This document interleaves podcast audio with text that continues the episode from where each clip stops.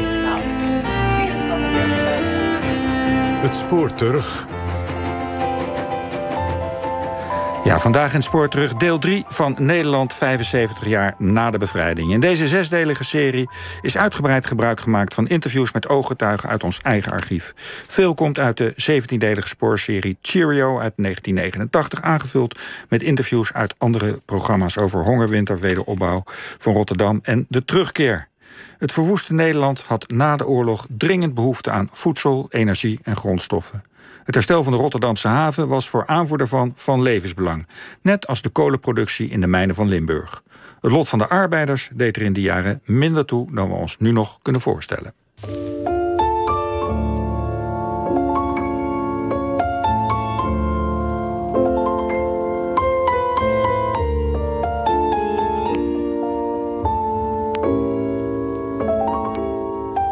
Was zo gelegen dat uh, tussen mij stond je 36 uur op je benen. Want er was er geen aflossing voor je. Hard werken en uh, meer niet. Je was altijd in de weer. Zelfs zaterdags en zondags. Want er was geen volk.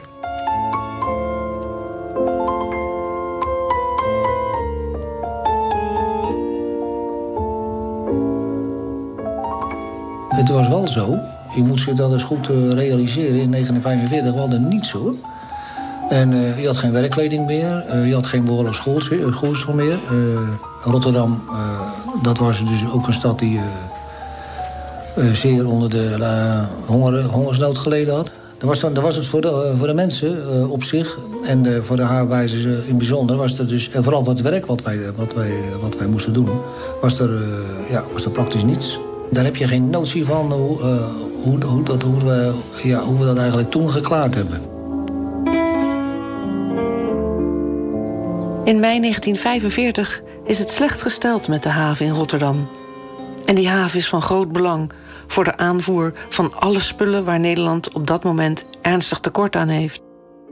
De Duitsers hebben vlak voor de capitulatie alle belangrijke installaties opgeblazen. Rotterdam ontkwam niet aan verwoesting. In 1940 was het de stad die werd getroffen. In 1944, bij de nederlaag, werd de haven met niets ontziende brutaliteit door de Duitsers verwoest en opgeblazen.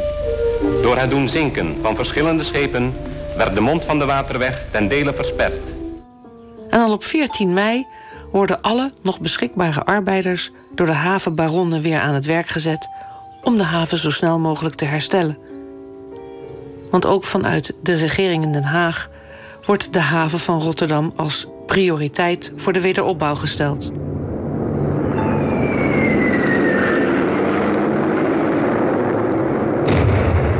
Zeven kilometer kadelengte werd geheel vernietigd. Rijn, Maas en Waalhaven moesten het vooral ontgelden. Talloze pakhuizen werden gebombardeerd of opgeblazen. Voor de arbeiders betekent het dat ze half verhongerd, vaak zonder behoorlijke kleding aan, aan de slag moeten voor een vooroorlogsloon en onder erbarmelijke omstandigheden. De delen van het vernielde dok worden versleept om weer gelast te worden en de ingang van de Maashaven is weer vrij. Van de 25 kilometer kadelengte bleef 18 kilometer ongeschonden. De rest wordt in snel tempo hersteld. Maar binnen de kortste keren kan er weer volop worden geladen en gelost. Voor de arbeiders staat daar weinig tegenover. Na de oorlog, toen verdienden we 24 gulden 60 centjes voor 60 uur werken per week. En dan was alles nog op de bon en de... we konden, hadden geen geld genoeg om dat wat op de bon was te kunnen betalen. Manus Hekelaar, die al vanaf 1927 in de haven werkt, kan van het eerste naoorlogse loon niet rondkomen graanboten. Die waren dan, uh, waren die Liberty-schepen ook. Maar eh, die noemen ze de graan dat kan bewegen hè, op zee. Dus als ze naar de ene kant loopt, dan gaat de kapseizen. Dus dan gooiden ze daar bovenop balen. Dat waren van die bloembaaltjes, van die linnen bloembaaltjes. Die hadden ze daar ook. En die bloembaaltjes die waren uitstekend, want mijn vrouw had geen hemdjes of lakens of niks. We hadden helemaal niks. Geen ondergoed. Dus namen die bloembaaltjes die namen we allemaal mee, maar dan waren het uh, harpolitie, die moest erop toezien dat ze niet meenamen. Maar dan hadden, hadden we een systeem voor. Op het moment dan hadden we ze beneden allemaal op een hoop gegooid. En op het laatste moment, dus als alle graan eruit was, dan legden we er zo'n pijp voor. Hadden we een seintje gegeven aan de machinist dat hij ook al werd er geroepen: hij is leeg, stoppen maar dat hij hem vijf minuten door moest laten draaien. Dan zoog hij al die baaltjes op en die kwamen boven in die cycloon terecht. Hè, weet. Nou, gingen we van de boot af. Dan gingen we slepen en dan gingen er een paar jongens boven... en die haalden al die baaltjes eruit en die gingen we verdelen. Nou, dan had ik prachtige hemmetjes, linnen hemmetjes voor de kindertjes. En voor mezelf, en lakens voor op bed. Vier aan elkaar of vijf aan elkaar een laken. En ook wel uh, gebeurde dat we hadden een boot, had die slaolie. Maar wij lagen daarnaast op een ruim graan te draaien. Dus dan gingen we allemaal flessen slaolie, hè? die namen we mee naar huis natuurlijk. En zulke dingen gebeurden dus. Dat was eigenlijk een, een bittere noodzaak. Aangezien de vakbeweging zich erg weinig van het lot van de arbeiders aantrekt, wordt besloten een nieuwe vakbond op te richten. Het idee voor zo'n nieuwe bond was al tijdens de oorlog in kringen van het verzet ontstaan. Een bond voor alle arbeiders, zonder bindingen met kerkelijke of politieke stromingen. En de EVC, de Eenheidsvakcentrale, wordt opgericht. In Rotterdam gebeurt dat op 13 juni 1945. En tijdens de oprichtingsvergadering wordt een manifest opgesteld. Een lijst met 22 eisen maar liefst aan de werkgevers. En Leen van Os, een van de oprichters, vertelt over de belangrijkste eisen. Nou, dat was dus nummer 1. Een loonsverhoging van 25 procent. Want we leefden toen nog op de CAO. Al twee maanden van 1938, zes jaar oorlog. We kregen hetzelfde hongerloontje, 25 gulden zo wat. 25 procent loonsverhoging als voor uh, aanloop. Een einde maken aan de gesplitste werkdagen. Uh, behoorlijke eetgelegenheden in de haven, want die waren er toen ook niet. Waren allemaal vieze kantines. En verder behoorlijke schoeisel, behoorlijke kleding. Want we stonden met zonder schoeisel en naakt stonden we in de rotzooi te trappen. En je moest je eigen rot werken. En die haven lag uit elkaar. Je moest van de Merwehaven af, moest je smiddags, om 12 uur als je klaar was... dat draaide op elkaar, dan moest je naar de stroomte op de Waalhaven... Maar reed geen tram of niks. Dan moest je de tunnel doorwandelen. Dan liep je een uur liep je om naar die andere werk te komen. En dan begon de baas nog te kankeren dat je zo lang was weggebleven. Dus die eisen die sloegen aardig in, hè? want we gingen leden inschrijven. Twee weken na de oprichting van de EVC barst de bom. Op 27 juni wordt namelijk een boot met havenarbeiders beschoten door de binnenlandse strijdkrachten... die belast zijn met de controle op havendiefstallen. De boot zou niet snel genoeg gehoor hebben gegeven aan de sommatie om te stoppen.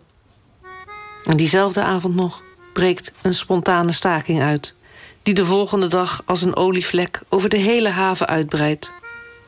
Volgens havenarbeider Arie Slager was deze beschieting de druppel die de emmer deed overlopen. Dat gaat zo van, uh, van mond tot mond. Hè. Jongens, dus geschoten. En uh, dat laten we verdomme niet. En zo wordt een arbeider behandeld. En nou gaan we morgen maar eens even niet aan het werk. En dan, gaat dat zo, dan gaat dan... Dat is wonderlijk, dat heb ik ook in andere stakingen meegemaakt. Dus als, al kun je nog zo aardig lullen... maar de voedingsbodem is niet aanwezig...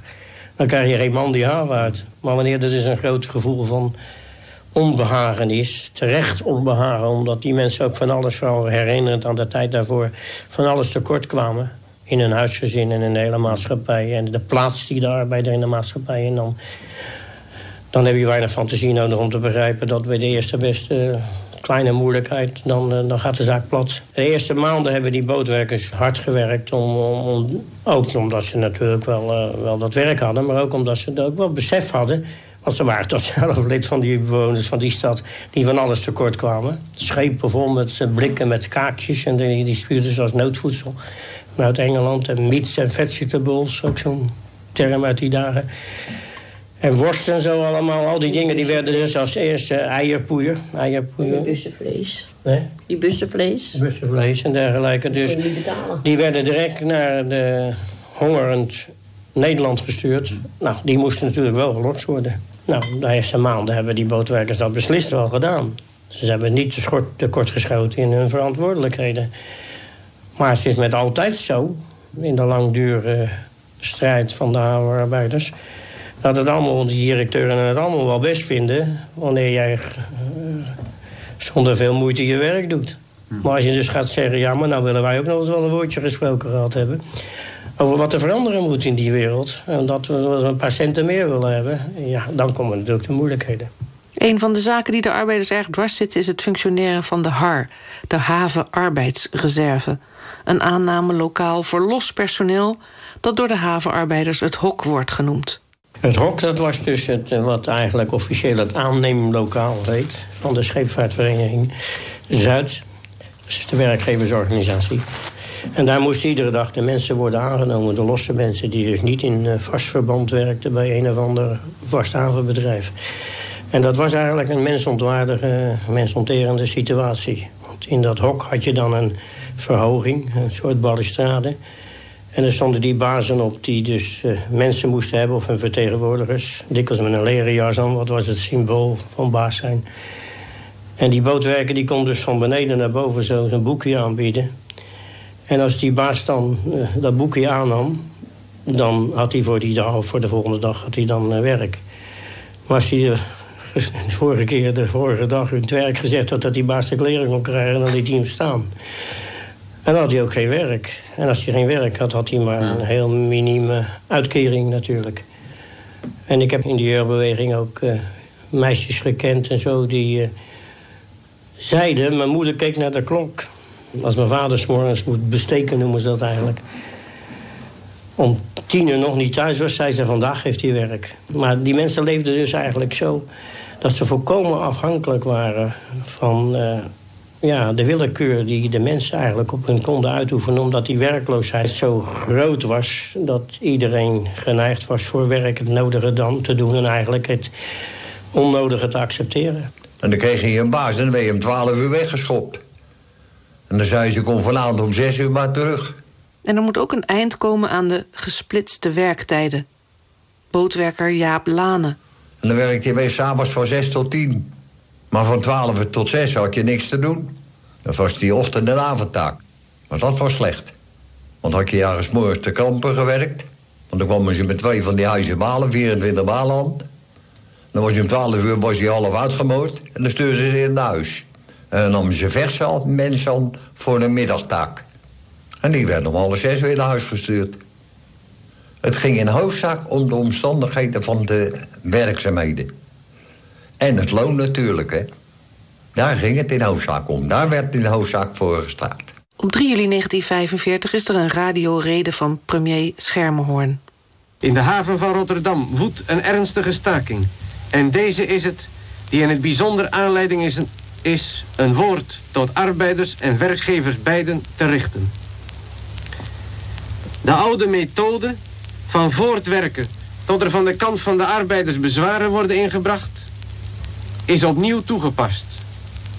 Dat de werkgevers ook nu weer geprobeerd hebben hoe ver men kon gaan in het vasthouden van het ene eind van het touw, in plaats van in gezamenlijk overleg, in bewustzijn van de verantwoordelijkheid voor het hele arbeidsmilieu en voor het Nederlandse volk vast te stellen hoe het eigenlijk moest zijn.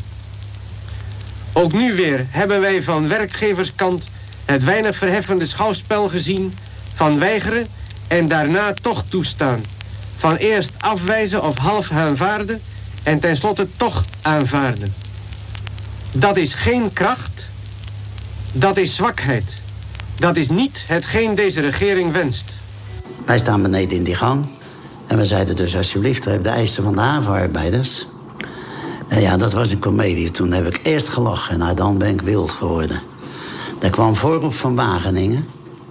En dat hele stelletje erachter, de, Meu, de Meute, de oude Stakenburg enzovoort. Allemaal scheepvaartverenigingsuitbestuurders. En gelijk havenbaronnen, hè. De havenbaronnen kwamen uit het bestuur van de havenbaronnen. Naar beneden met zijn grote oranje kokarde op de borst. En van Wageningen, die, uh, Kijk ons zo aan, zo, weet je wel.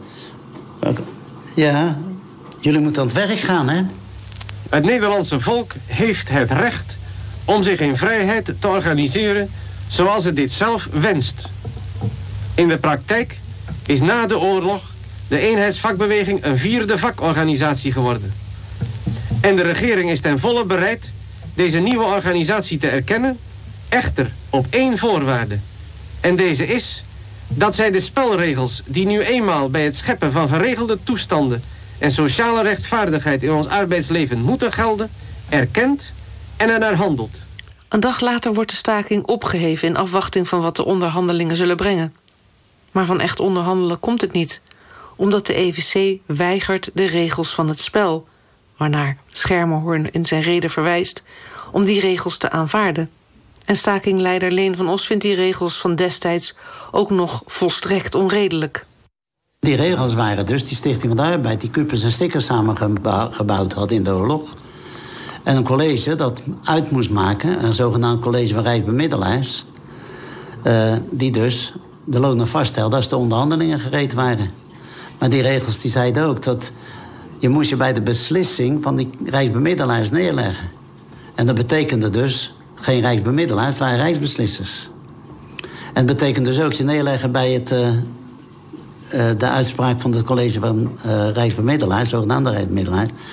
Dat op het moment dat je de voorstellen die je met de werkgevers overeen was gekomen in de bus gooide, die waren toen wel royaal ook nu en dan. Hè? Dat op dat moment je gooide ook het stakingsrecht in de bus. Ja, dan, dan, dan, dan moet je toch, als je een beetje links, nee, vooruitstrevend denkt, nog niet eens socialistisch. Nog niet eens links, alleen maar wat vooruitstrevend, progressief denkt.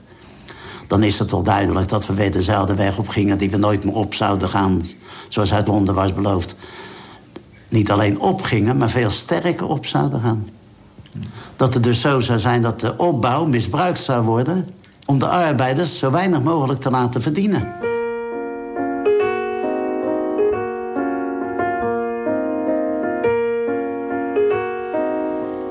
En het blijft intussen heel onrustig in de haven. Het grootste deel van de eisen van de EVC is nog niet ingewilligd door de havenbaronnen. Een groot aantal werkonderbrekingen en korte stakingen volgt. Iedere aanleiding wordt aangegrepen om het werk neer te leggen en de eisen boven tafel te halen. Zo weigeren de arbeiders in maart 1946 massaal een sinaasappelboot uit het Spanje van Franco te lossen. En gaat de haven een aantal dagen plat. Wanneer de boot door vrijwilligers van buiten de haven gelost is, gaat iedereen weer aan het werk. Maar nog geen maand later is het alweer raak. Volgens Schoof Huiskens was het voor veel van de stakers een hele zware opgave de staking zo lang vol te houden. Elke vrouw uh, die nam het niet als de vent zonder, uh, zonder geld thuis kwam. Hè? Uh, de eerste 14 dagen, toen hebben we dus niets, niets gekregen. Dus moest je 14 dagen moest je maar zien, je moest zien dat ik het eten bleef. En toen is er een solidariteitscampagne is er, uh, tot stand gekomen. Uh, vanuit de EVC en ook uh, politieke partijen, CPN en zo. Die, die, hebben daar veel voor gedaan. We gingen zelf ook met, de, met steunlijsten noemden we dat. Gingen we op stap, weet je wel. Dan haalde je tientallen, honderdtallen guldens, weet je wel. Dat moest allemaal afgerekend worden. Nou, toen hebben ze het zo kunnen bewerkstelligen... dat we dus 10, 10 à 11 gulden per week... Al, nou ja, dat was, dat was het, daar, daar moesten we dus van bestaan. Nou, dan hebben we, het heel, hebben we het heel moeilijk gehad. Dan, lagen de, dan, hebben de, dan moet je maar eens mijn vrouw vragen. Dan lagen de, de muizen dood voor de kosten. ik heb mijn vrouw weg moeten sturen met, het, met de, uh, hoeveel kinderen ook toen? Eén. Ja, ja, ja, 19, ja één. Nou, die heb ik weg moeten sturen. De, de, mijn vrouw komt uit Arnhem. En daar is uh, vier of, drie of vier weken, de laatste drie of vier weken naartoe gegaan. Want er we geen eten meer.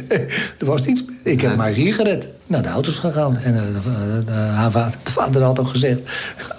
als het niet gaat, we waar eens weer komen kijken... Dan moet, je, dan moet je eens maar naar mij naar ons sturen. Want ze kan natuurlijk niet omkomen van de met een kind. maar die toestanden zijn, uh, heb ik, hebben we dus meegemaakt. Ik niet alleen, duizenden anderen hoor. Door de minister van Binnenlandse Zaken is heden... aan een groot aantal burgemeesters telegrafisch verzocht een oproep voor vrijwilligers te doen. Zij worden verzocht zich in verbinding te stellen met de districtshavencommissarissen van Rotterdam en Amsterdam...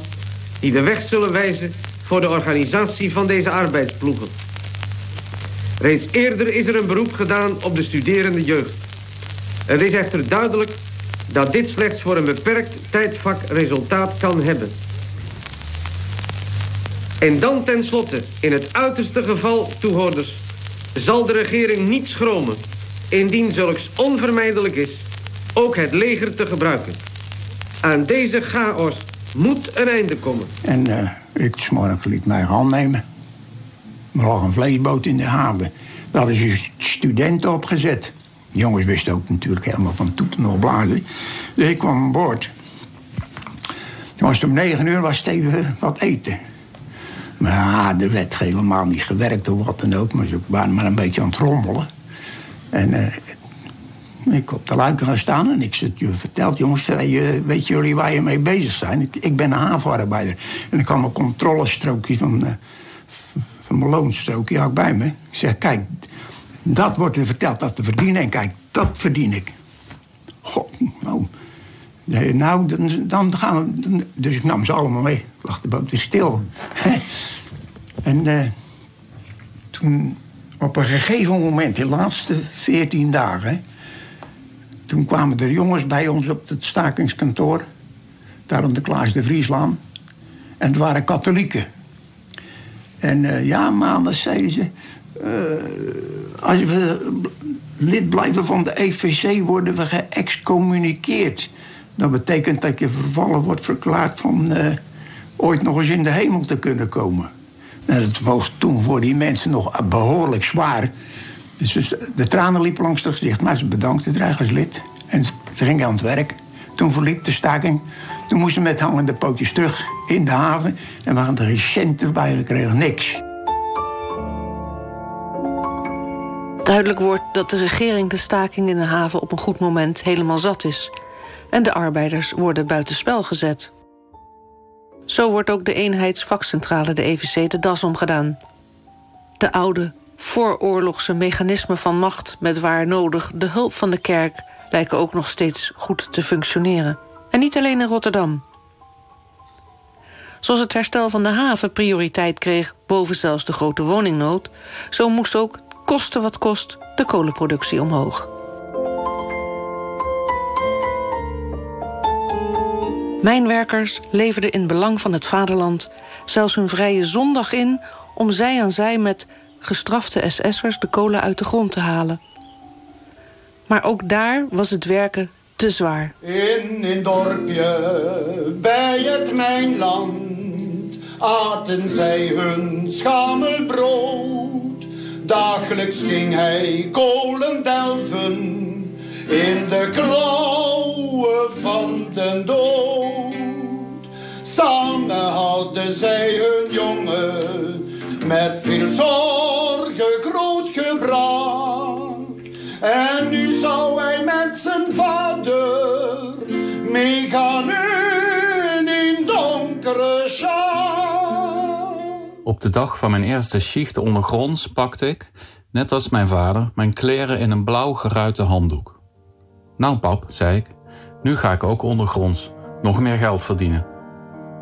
De OVS, de ondergrondse vakschool van de staatsmijnen moest de Limburgse arbeidersjongen gehoorzaamheid, fatsoen en onvoorwaardelijke trouw aan de leiders, de kerk en de mijn bijbrengen.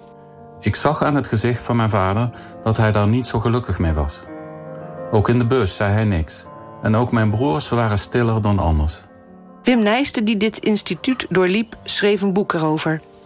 Ik, zwarte blanke slaaf. De avond daarvoor, toen ik met de mijnkleren was thuisgekomen, was er ook al weinig gesproken.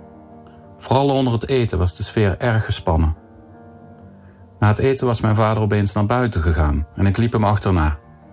Toen ik hem vroeg wat er was, zei hij niets, maar ik zag dat hij huilde. Hij huilde om mij, omdat ik de volgende dag onderin moest. En vooral omdat hij nooit dwang had uitgeoefend dat ik naar de mijn moest en er echt geen andere mogelijkheid was om ergens anders werk te krijgen. Vlak na de oorlog worden er per jaar zo'n duizend jongens van gemiddeld 15 jaar voor de mijnschool geronseld. En wie niet vrijwillig naar de OVS wil, wordt door de pastoor overgehaald. En de hardnekkige weigeraars komen er vanzelf wel achter dat er in Limburg moeilijk ander werk te vinden is. Ik beloofde hem dat ik ontslag zou nemen als het niet ging, om hem gerust te stellen. Ik was al om negen uur naar bed en lag uren wakker me voor te stellen hoe het zou zijn in de mijn. De volgende ochtend, toen ik de deur uitging, zei mijn moeder dat ik goed op mezelf moest passen. Vooral dat ik nergens tussen kwam. Zij wist veel beter dan ik wat er onderin kon gebeuren. De oprichting van de Algemene Bond voor Werkers in de Mijnen was het eerste begin van een serieuze strijd tegen de vooroorlogse wantoestanden en tegen de macht van de kerk en de patroon. Wij konden samen opschieten, dus en protestanten en katholieken en iemand die niks was. Samen kon je heel veel doen. En daar hebben ze ook veel gezegd, dat kunnen we na de oorlog ook samen doen. En zodoende is dat idee gekomen voor dan een bond te krijgen waar iedereen bij kan. Dus zonder geloof erin te doen, maar ook zonder politiek erin te doen. Henk Scheven is 15 jaar als hij als werkloos landarbeider vanuit Drenthe naar Limburg komt. Op de mijn Wilhelmina werkt hij zes dagen in de week als leesjongen. Uit de voorbij denderende leesband moet hij de stenen tussen de kolen vandaan plukken. Ieder hoek van de straat zag je bijvoorbeeld staan eigendom staatsmijnen. Dus die wegen dan. Dus die hadden die woninggroepen zo ingedeeld. De mijn die, die besliste over. Die hadden eigen winkels. Dus je, werd, je leefde toen niet meer, kun je zeggen, maar je werd geleefd. Daar is ook een hele grote klap voor veel mensen geweest toen dat gedaan was. Toen stond het plotseling op zichzelf. Toen was er niemand meer die iets voor hun deed. Toen moesten ze zelf. Henk Scheven werkt vanaf de bevrijding ondergronds... zij aan zij met gestrafte nazi's en voormalige SS'ers. Voor hen is het werk een straf, voor Scheven de dagelijkse routine. Jaar in, jaar uit. De regering trekt zich niets aan van de protesten... tegen de tewerkstelling van de oorlogsmisdadigers. En van een zuivering van het leidinggevend personeel... dat nogal eens met de Duitse bezetter had gecollaboreerd... komt ondanks spontane acties evenmin iets terecht... Niemand kan gemist worden. Kost wat het kost, moeten er zoveel mogelijk kolen uit de grond. De wederopbouw van het half verwoeste vaderland is geheel afhankelijk van de energie van het zwarte goud uit de acht particuliere en vier staatsmijnen die Limburg telt. Ze moesten kolen hebben om de hele Nederlandse economie weer naar boven te halen. Dus uiteindelijk moest het hier beginnen. En dan kan het zo doorgaan. Dus gaven ze ons van alles om er zoveel mogelijk kolen te krijgen. Ze gingen de politieke delinquenten voor de vraag stellen... wat willen jullie? Gewoon uitzetten of in de mijnen gaan werken? Dat heb ik altijd raar gevonden. Want eh, doordat ze dat gingen doen... kon je je eigenlijk zelf ook als, als een soort gevangene beschouwen. Want wij werkten gewoon daar. Maar die mensen, dat waren ex-SS'ers of uh, noem maar op. In ieder geval, dus die waren van het, Duitse leger hadden die gediend. Uh, dus als straf konden die in de mijnen werken. Dus als je nagaat, ja. Wij werkten vrijwillig daar, maar als je het eigenlijk precies gaat pakken, dan. Ja, wij waren niks meer De productie komt maar langzaam op gang. In december 1945 wordt nog steeds niet meer dan een half miljoen ton gedolven. Terwijl de productie tijdens de bezetting 1 miljoen ton per maand bedroeg. Zelfs de extra voedselrantsoenen die de regering ter beschikking stelt... kunnen het tekort aan mijnwerkers niet opheffen. Zij, die wel in de schaft afdalen, zoals Nol Kreewinkel... krijgen voortdurend te horen dat de productie omhoog moet. De zaak moest opgebouwd worden. Dat, daar werd de, de wijnwerker wel voor gevraagd. Hè? Om de haverklap hingen van die grote affiches op. Doe er een schepje op. Zo van die kreten. Hè? Dus de productie te verhogen in het strandsbelang. Hè? Door middel van de zogenaamde akkoorden wordt elke dag vooraf bepaald hoeveel kolen elke mijnwerker die dag moet produceren. Wiel Verheijen werkt met zo'n akkoordsysteem in de ON2, de tweede Oranje-Nassau-mijn. Ze waren ook nooit tevreden met de prestatie. Hè? De prestatie zeg maar, die kun je alleen maar eh, eh, maken door eenheid. Zeg maar, hè? En als je, als je een groep hebt die goed uh, verstaat onder elkaar... dan krijg je ook een, een heel goed werk gepresteerd. Zeg maar. Maar, en je kon dat werk wel doen, zeg maar, dat je het heel goed deed... maar dat deed je toch niet goed. Je deed nooit genoeg. Als, je vandaag, als ze vandaag zei je moet 10 meter maken... en je maakte die 10 meter en dan waren ze niet tevreden... dan probeerden ze wel kijken of je nog meer kon maken. Zo werd dat gespeeld ook. Hè. Die mensen... Uh, het onveilige is uh, dat, dat ze achter je zitten te jagen, zeg maar. Weet je, dat moet eruit, dat stuk moet, dat moet vandaag klaar, absoluut klaar. En dan ga je dingen doen die je niet mag doen. En dan gebeuren ongelukken. Bijvoorbeeld uh, dat je niet op tijd stut. Dat, dat je steen op de manier valt. En dan krijg je dan op je... Dan, dat je dan zwaar gewond wordt of zo. Weet je. Dat, dat, dat kan best. En, of nee, dat je uh, ijzer stut hebt. En dat je op de handen valt. Of je zit ergens klem tussen. Zeg maar. Dat kan allemaal gebeuren. Zolang ik daar nou aan het werken ben... Op die mijn op de ON2 zijn er toen, wat ik meegemaakt twee mensen doodgebleven. Aangekomen beneden zei de kompo... Zo, meteen beginnen, want het moet klaar zijn einde dienst. Anders wordt het overwerken. De zoveelste die praten in termen van dit moet en dat moet. Daar kan je de onderdrukking aan aflezen. Aan hoe mijnwerkers ondergronds praten met elkaar. Een onderdrukking waar 90% van de mijnwerkers mee te kampen had. Al die jaren hadden ze niks anders gehoord dan dat het van bovenaf moest. En je moest het niet in je hoofd halen om tegen zo'n hogere te zeggen: hé, hey, wacht even, dat gaat niet. Er was maar één parool: het moet, ten koste van alles. Want zo werd er gedacht door ondergrondse werkers en bovengrondse beambten. In kolenmeters. Dat was ingevreten bij de mensen. Ze dachten niet anders en ze konden ook niet anders denken.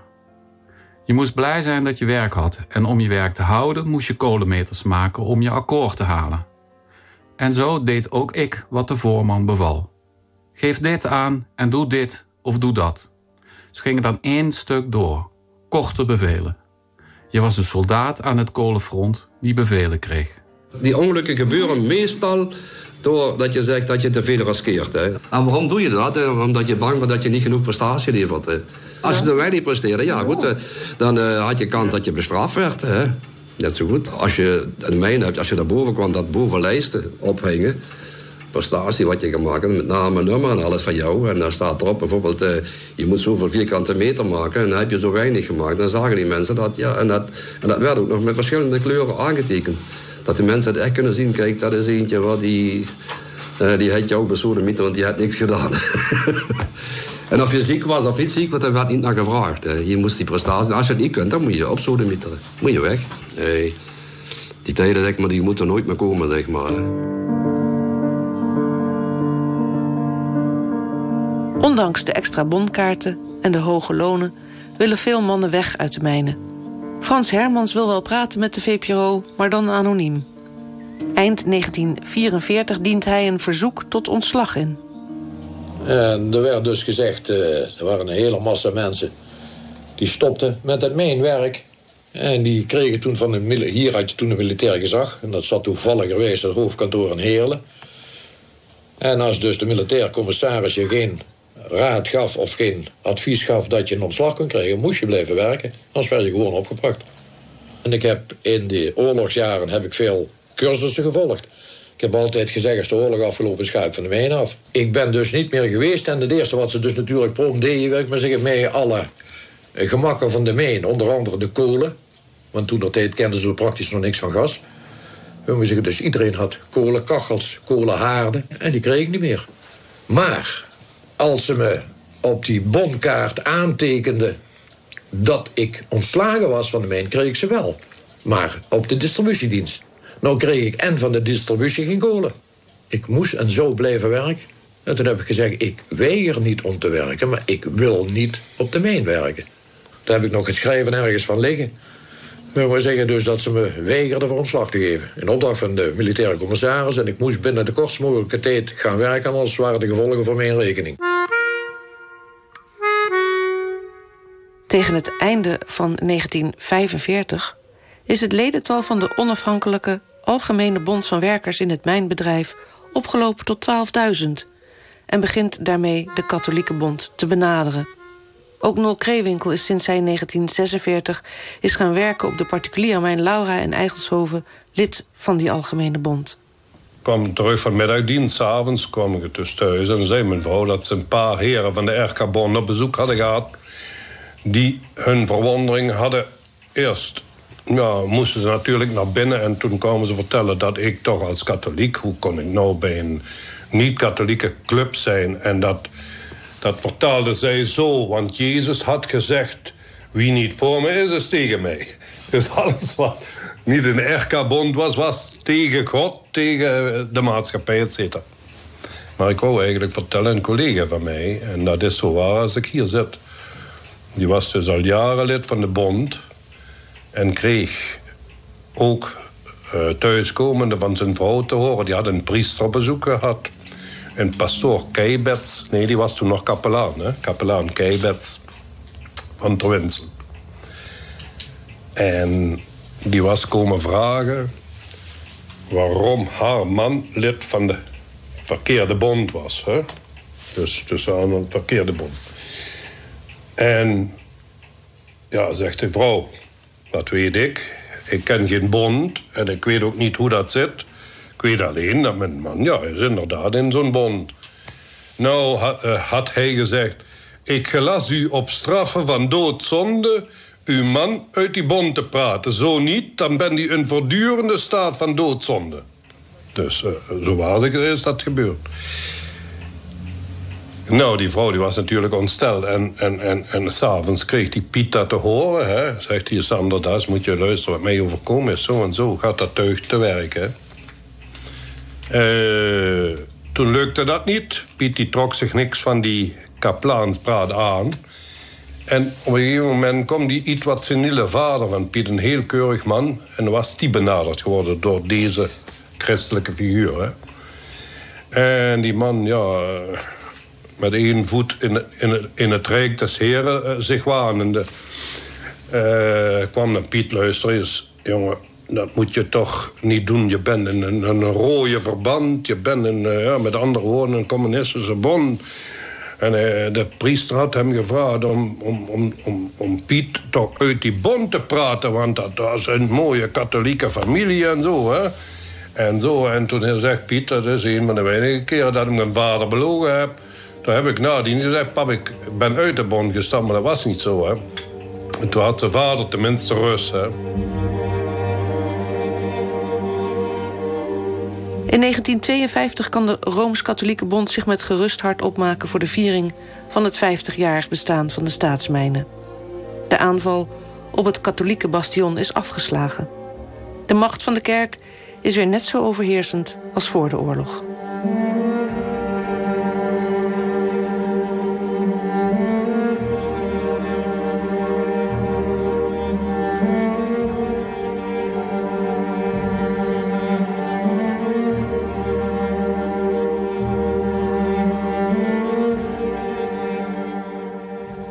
Dit was deel 3 van Na de Bevrijding... met gebruikmaking van eerder gemaakte interviews... door Kees Slager, Paul van der Gaag, Jacqueline Maris... Kiki Amsberg en Michal Citroen. En dit programma werd ook samengesteld door die laatste, Michal Citroen. Tekst Stefan Heidendaal en montage Berry Kamer.